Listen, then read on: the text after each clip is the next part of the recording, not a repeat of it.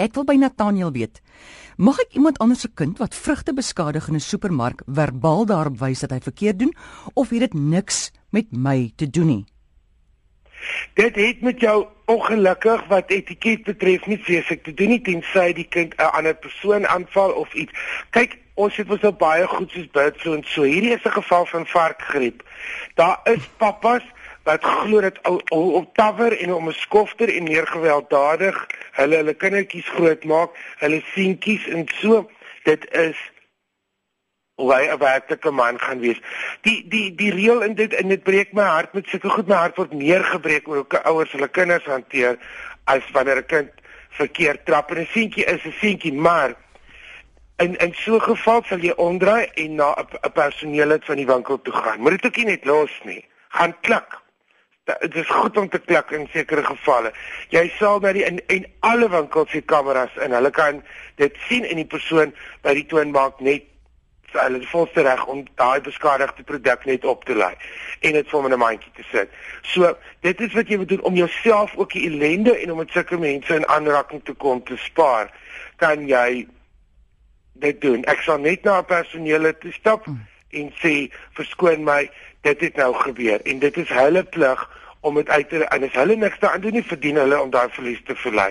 Maar moenie vir jouself daai ellende gee nie wat ons dink ons maak die wêreld beter en al wat ons gebeur is ons sit met negativiteit wat ons lank saam daar daai ouderdom kan die vinger nog maar na die ouers gewys word vir alles hulle as hulle naby is.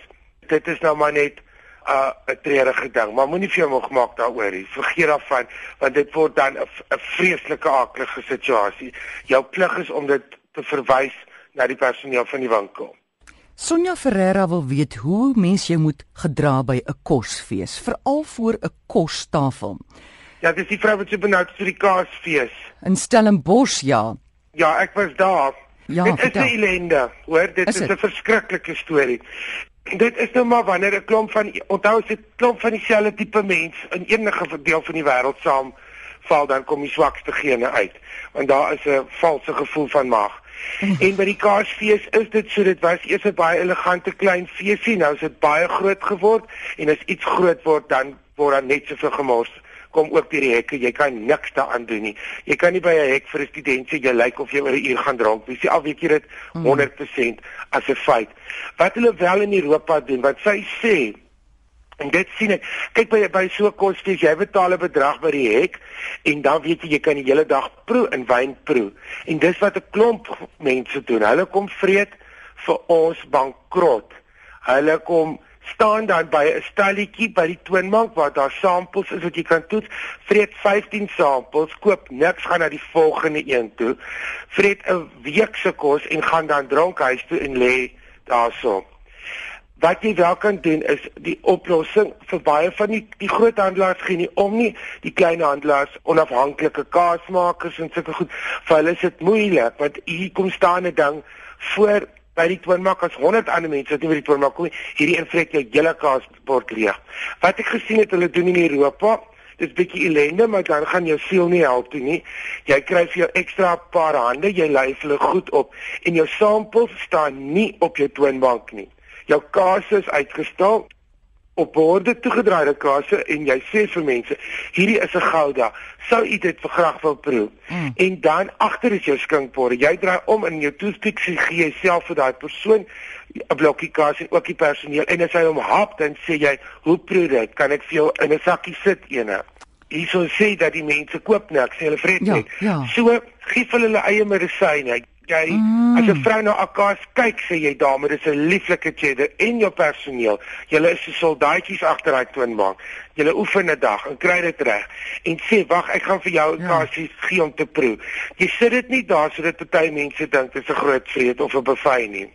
Die helfte van hulle hoes in elk geval op. Is my so ja. grillerig. Ek kan nie verstaan dat iemand 'n sample eet by 'n fees nie. En dan as hulle daai Akasie sit, in die mond en dan sê jy hoe proe dit kan ek vir inkoop as hulle nie lyk nie dan gaan jy onmiddellik boor daai een se kop na die een wat agter staan. En kan ek jou help meneer. Ja. en jy sit jou fokus op jou verkope. Dat hulle dink die sampling is 'n treat na die tyd. Dit is nou maar net ongelukkig hoe dit werk. Dis chaos die mense is gedrink. Hulle is aan die gis ook want hulle loop drank in die son. En dan eet hulle 'n klomp kaas, hulle proe later niks nie. Die helfte van hulle het nie geld nie want dit kos duur om deur die hek te kom. Dit is 'n ellende. Maar dit is nou wat op die aarde gebeur as 'n trop van dieselfde aard. Jy weet, daar's die fantastiese mense ook wat ernstig kom en daar's baie mense wat ek ken wat jare na feeste toe gegaan het en nou nie meer gaan nie. Sodra 'n fees suksesvol word en ek gaan nou nie name noem nie, maar dit vind oor die hele land plaas, dan begin daar gemors waar hy kan kom en dan is jy reeds verlore. Maar jy kan deur jou personeel goed op te lei. Daar is van die stelletjies by die kasies waar die mense treurig is en selfs bang lyk like vir die, die publiek. Hmm. Jy moet jou man staan as jy so ding doen. Jy sit nie nou in 'n stil jewelry shop met 'n viool in die hoek en 'n diamantring en dan dis 'n 1000 mense wat teen landstyd barbare is wat hulle is gedrink wat vir jou storm en jy moet dit nou maar net hanteer deur eerste te wees met die aksie en eerste met die praat en eerste met jou verkope voordat voordat anders is is dit vir verlore saak. Gou laastens sy sê die met die grootste diamante. Dis hulle wat voor jou spoeg want hulle het nou iets geproe waarvan hulle niks hou nie. Wat gebeur in daai geval as jy dalk miskien nou by so 'n fees is en jy het nou iets in jou mond en jy hou niks daarvan nie. Jy kan dit tog nie uitspoeg nie. Daar is veronderstel en dit sien ek ook oral in Europa daar is houertjies en servette oral.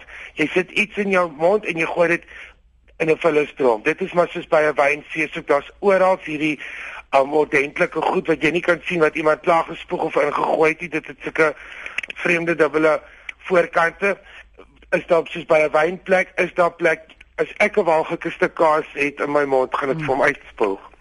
Veral as jy by die 400 stuk kaas van die dag kom.